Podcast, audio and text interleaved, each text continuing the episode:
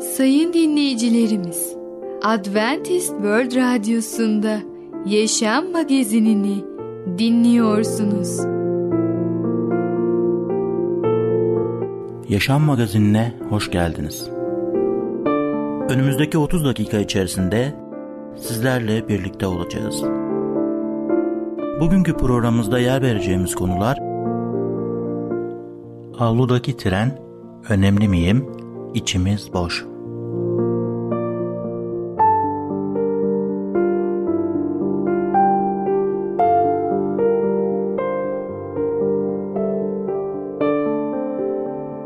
Adventist World Radyosu'nu dinliyorsunuz. Sizi seven ve düşünen radyo kanalı. Sayın dinleyicilerimiz, bizlere ulaşmak isterseniz e-mail adresimiz radio.umutv.org radio.umutv.org Bizlere WhatsApp yoluyla da ulaşabilirsiniz. WhatsApp numaramız 00961 357 997 867 06 00961 357 997 867 06 Şimdiki konumuz içimiz boş. Esenlik dolu bir yaşama nasıl sahip olabiliriz? Merhaba değerli dinleyicimiz. Bereket Dağı'ndan Düşünceler adlı programa hoş geldiniz. Ben Tamer. Bugün sizlerle birlikte olacağım. Bugünkü konumuz içimiz boş. Biliyorsunuz ben uzun yıllar önce yön bulma yarışmasına katılmıştım. Ve orada bize yarışmadan önce harita ve pusula nasıl kullanıldığını kısaca anlatıp bize kolay bir parkurdan geçmemize ve yarışmamıza izin verdiler. Ve ben de haritayı ve pusulayı alıp çok hızlı bir şekilde koşmaya başladım. Bir noktayı buldum, ikinci noktayı buldum haritaya göre ve bu bana bir özgüven kazandırdı ve aynı şekilde bir sonraki noktaya doğru koşmaya başladım. Ve koştum koştum koştum ve bakıyorum nokta yok. Baktım haritadaki yerde yok. Sonradan anladım ki ben yanlış yöne doğru koşmuşum. Ve böylece ben doğru noktadan ve doğru istikametten tamamen zıt yöne koştuğum için kaybolmuş oldum. Bazen hayatımızda da böyle olmuyor mu? Bazen biz de yanlış istikamete doğru koşmuyor muyuz? İlerlemiyor muyuz? Bazen biz de yanlış yerlere gitmiyor muyuz? Allah'ın kelamı bize net ve açık söylüyor. Doğru ve yanlış nedir? Ama biz dünyayı seviyoruz ve dünyaya doğru koşmaya başlıyoruz. Dünyaya sanki çok fazla yakın gelmezsek bize bir şey olmayacağını düşünüyoruz. Ama bir gerçek var. Siz nereye doğru gidiyorsanız sonunda varış noktanızda orada olacak. Rab İsa Mesih bize doğru yolu gösteriyor ve doğru yöne doğru ilerlememizi bekliyor. Ama biz başka bir yol seçiyorsak o da bizim yaptığımız seçime de saygı gösterecektir. Günümüz gençleri yön ve bakış açısı arıyorlar. İzleyecekleri örnekler, amaç biçimleri arıyorlar. Bir yeni ve güzel otomobiller dizisi gibiler.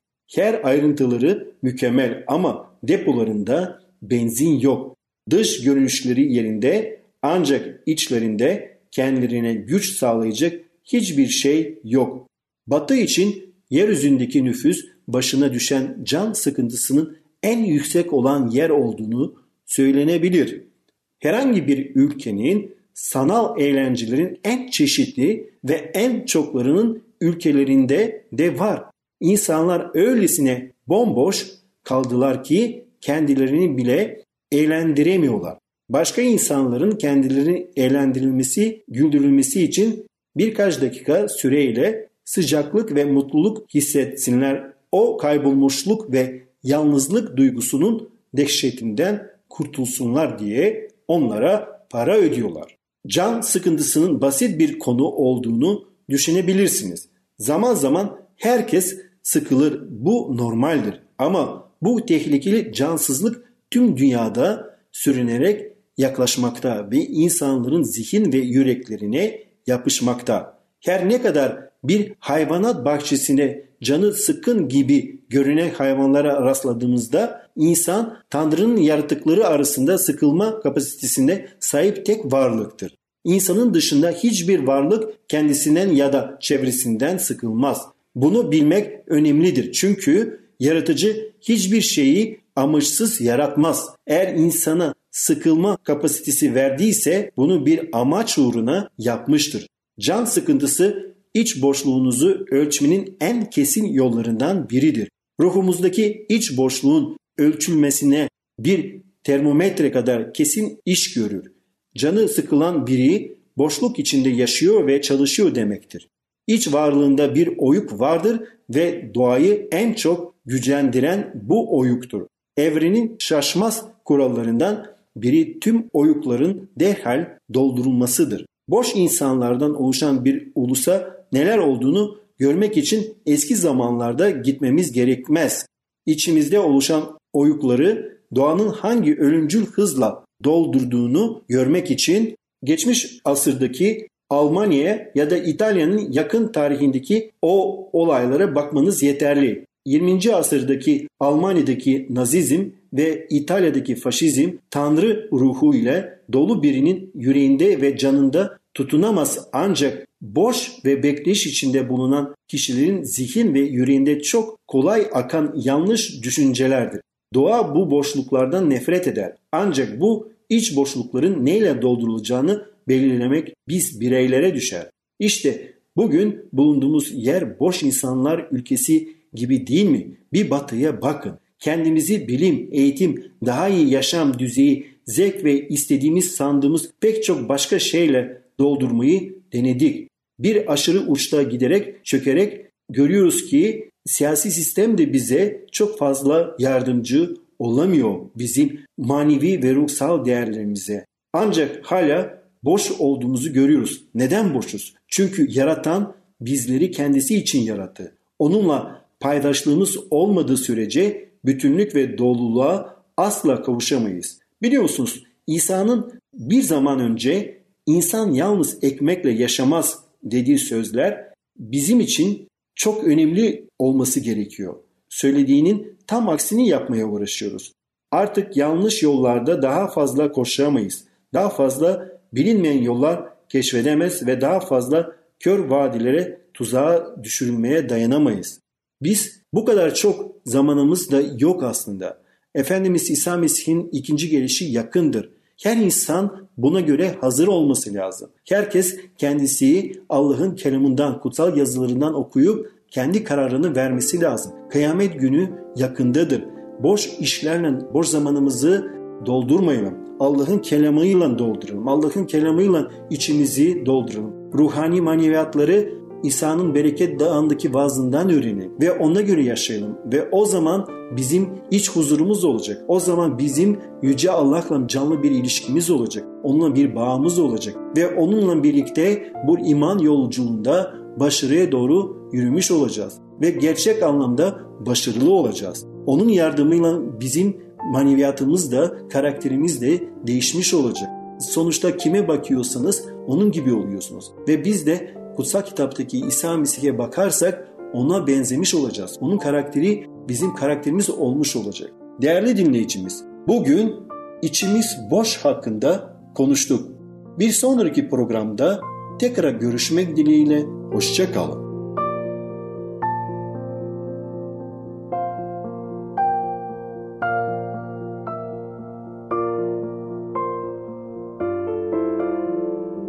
Programımızda az önce dinlediğimiz konu içimiz boş. Adventist World Radyosu'nu dinliyorsunuz. Sizi seven ve düşünen radyo kanalı. Sayın dinleyicilerimiz, bizlere ulaşmak isterseniz e-mail adresimiz radio.umutv.org radio.umutv.org Bizlere WhatsApp yoluyla da ulaşabilirsiniz. WhatsApp numaramız 00961 357 997 867 06 00961 357 997 867 06 Şimdiki konumuz avludaki tren. Çocuklar her şeyi bilir mi?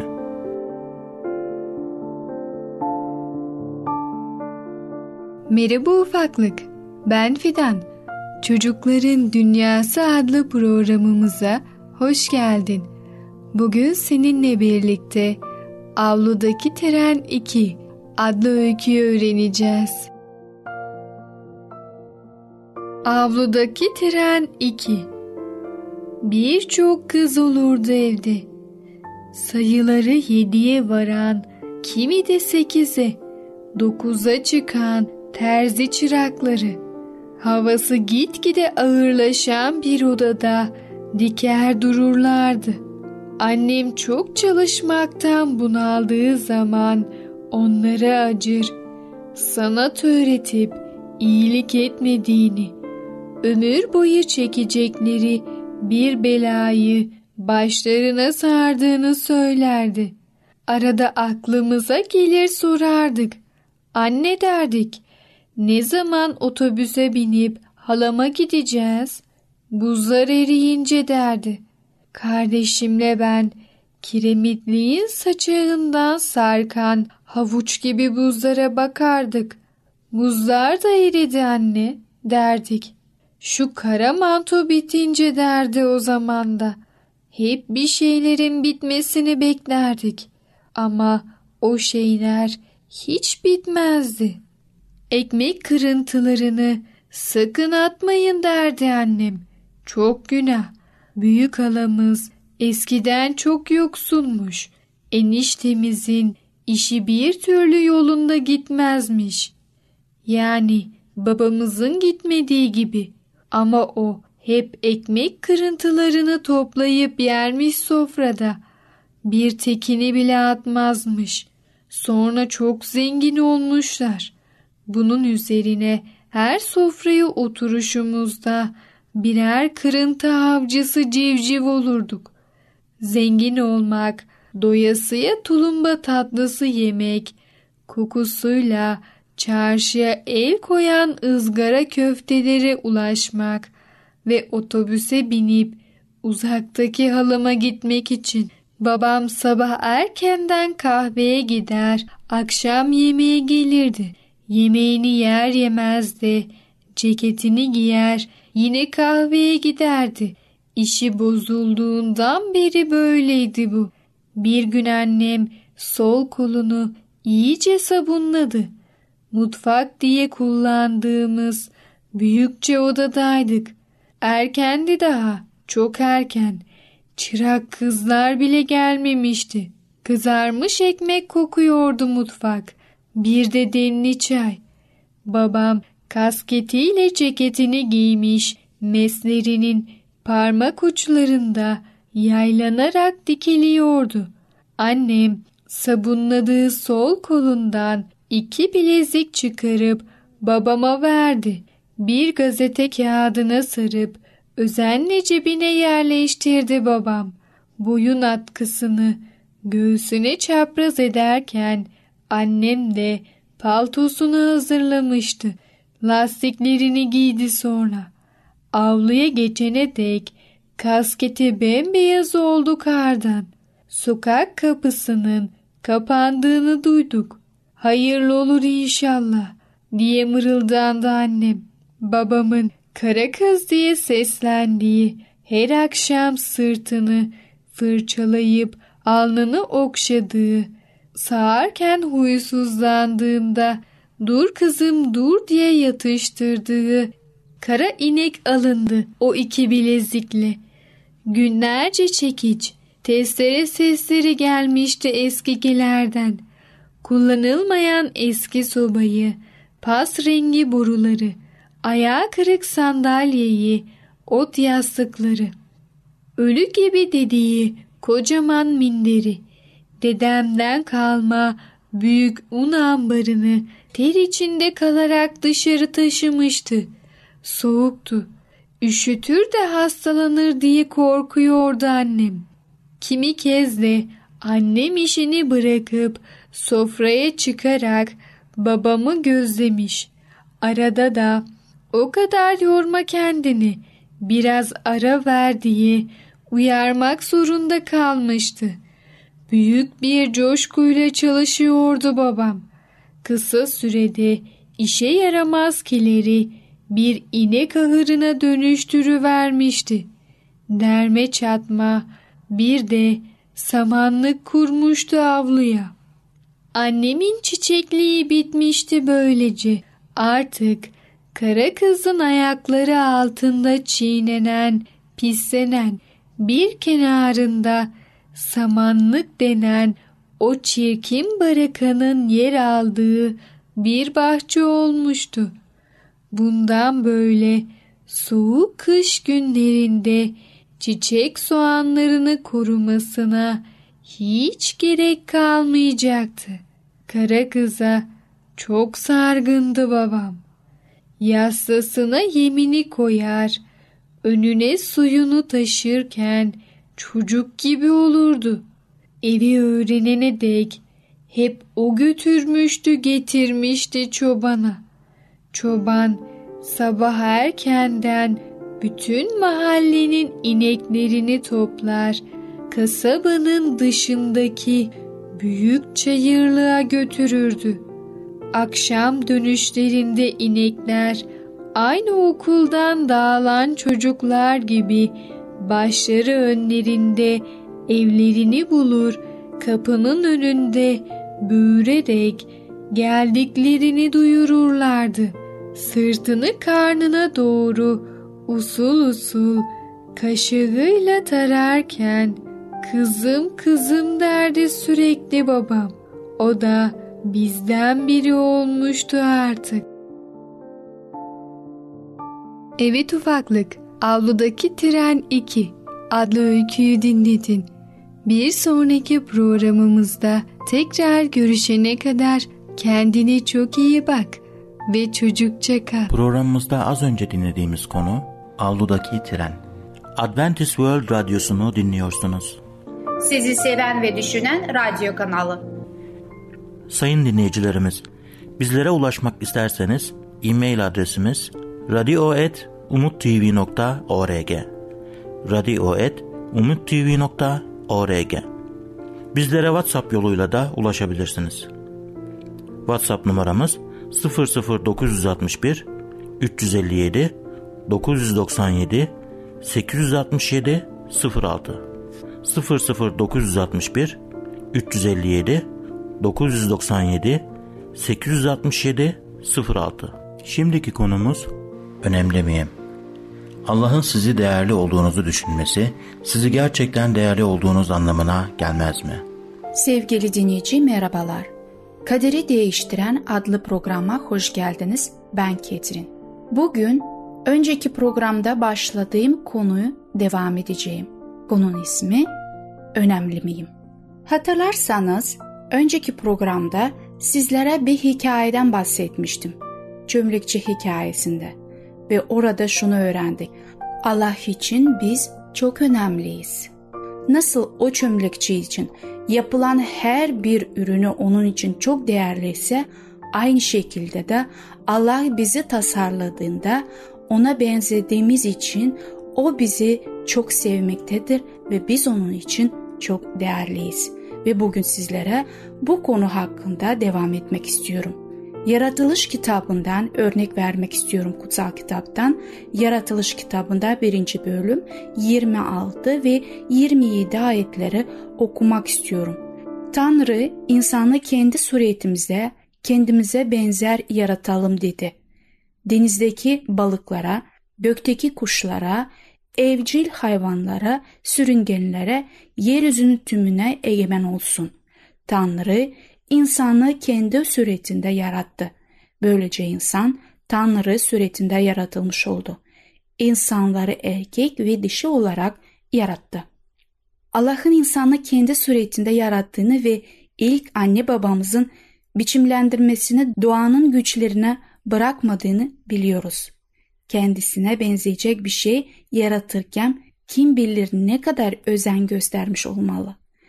Yaratılış kitapçığında birinci bölümü bize Allah'ın insanı nasıl yarattığını dair fazla ayrıntı vermeden bitiriyor.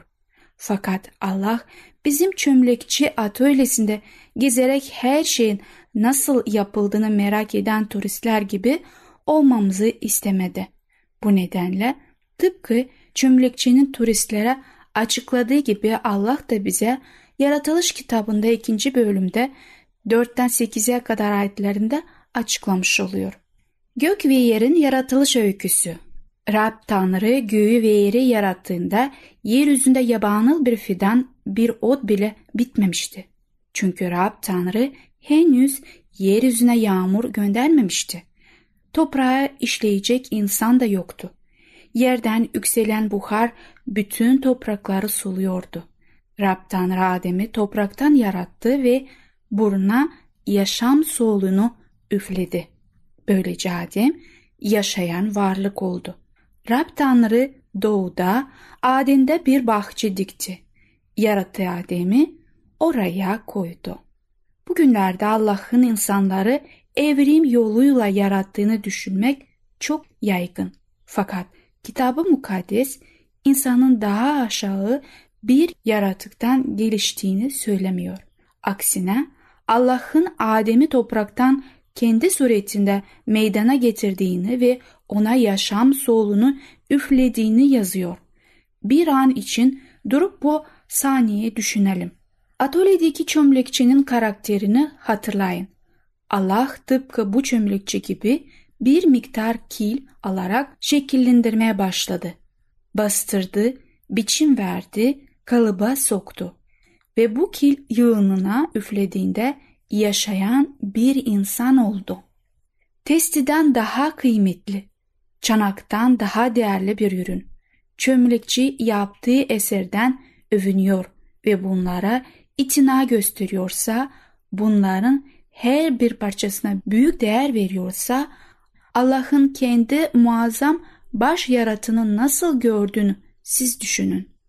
İnsan vücudunu ve Allah'ın yaratıcılığının değeri hidrojen, oksijen ve karbon bilişimden bulunmaz. Daha ziyade Allah'ın sinir sistemimizi yaratırken ve bize görme, dokunma ve sevme ve iletişim kurma yetenekleri verirken gösterdiği büyük özendedir. Evet, Allah diğer her şey için kullandığı malzemeleri kullandı. Fakat sadece insanları kendi suretinde yarattı. Şimdi ayetlere bakmaya devam edeceğiz. 18'den 25'e kadar ayetleri okuyacağım. Sonra Adem'in yalnız kalması iyi değil dedi. Ona uygun bir yardımcı yaratacağım. Rab Tanrı yerdeki hayvanların, gökteki kuşların tümün topraktan yaratmıştı. Onlara ne ad vereceğini görmek için hepsine Adem'e getirdi. Adem her birine ne ad verdiyse o canlı o adla anıldı. Adem bütün evcil ve yabanıl hayvanlara, gökte uçan kuşlara ad koydu. Ama kendisi için uygun bir yardımcı bulamadı. Rab Tanrı Adem'e derin bir uyku verdi. Adem uyurken Rab Tanrı onun kaburga kemiklerinden birini alıp yerini etle kapladı. Adem'den aldığı kaburga kemiğinden bir kadın yaratarak onu Adem'e getirdi. Adem, işte bu benim kemiklerimden alınmış, kemik etinden alınmış eti dedi. Adem, işte bu benim kemiklerimden alınmış kemik, etimden alınmış ettir dedi. Ona kadın denilecek çünkü o adamdan alındı. Bu nedenle adam annesini babasını bırakıp karısına bağlanacak. İkisi tek beden olacak. Adem de karısı da çıplaktılar. Henüz utanç nedir bilmiyorlardı. Havanın meydana getirilmesinden Allah'ın kişisel çalışmasını görüyoruz. Allah Adem'den kaburga kemiğini alarak Hava'yı kendisi meydana getirdi. Hava daha aşağı bir yaratıktan hatta topraktan gelmedi. Fakat Adem'in yanından yaratıldı. Tamamen ayrı bir yaratık olarak değil, Adem'in bir parçası olarak meydana getirildi. Çömlekçinin yaptığı eserler değil, verip özen gösterdiği gibi Allah da dikkatle çalışarak yarattığı şeylere özen gösterir. Önemli miyim? adlı konumuzu dinlediniz. Bir sonraki programda tekrar görüşmek dileğiyle. Hoşçakalın. Programımızda az önce dinlediğimiz konu Önemli miyim? Adventist World Radyosu'nu dinliyorsunuz. Sizi seven ve düşünen radyo kanalı. Sayın dinleyicilerimiz, bizlere ulaşmak isterseniz e-mail adresimiz radio.umutv.org radio.umutv.org Bizlere WhatsApp yoluyla da ulaşabilirsiniz. WhatsApp numaramız 00961 357 997 867 06 00961 357 997 867 06 Gelecek programımızda yer vereceğimiz konular diş temizliği, çatışmalar olacaktır, iman. Yaşam Magazini adlı programımızı pazartesi, çarşamba ve cuma günleri aynı saatte dinleyebilirsiniz. Bir programımızın daha sonuna geldik. Bir dahaki programda görüşmek üzere, hoşçakalın.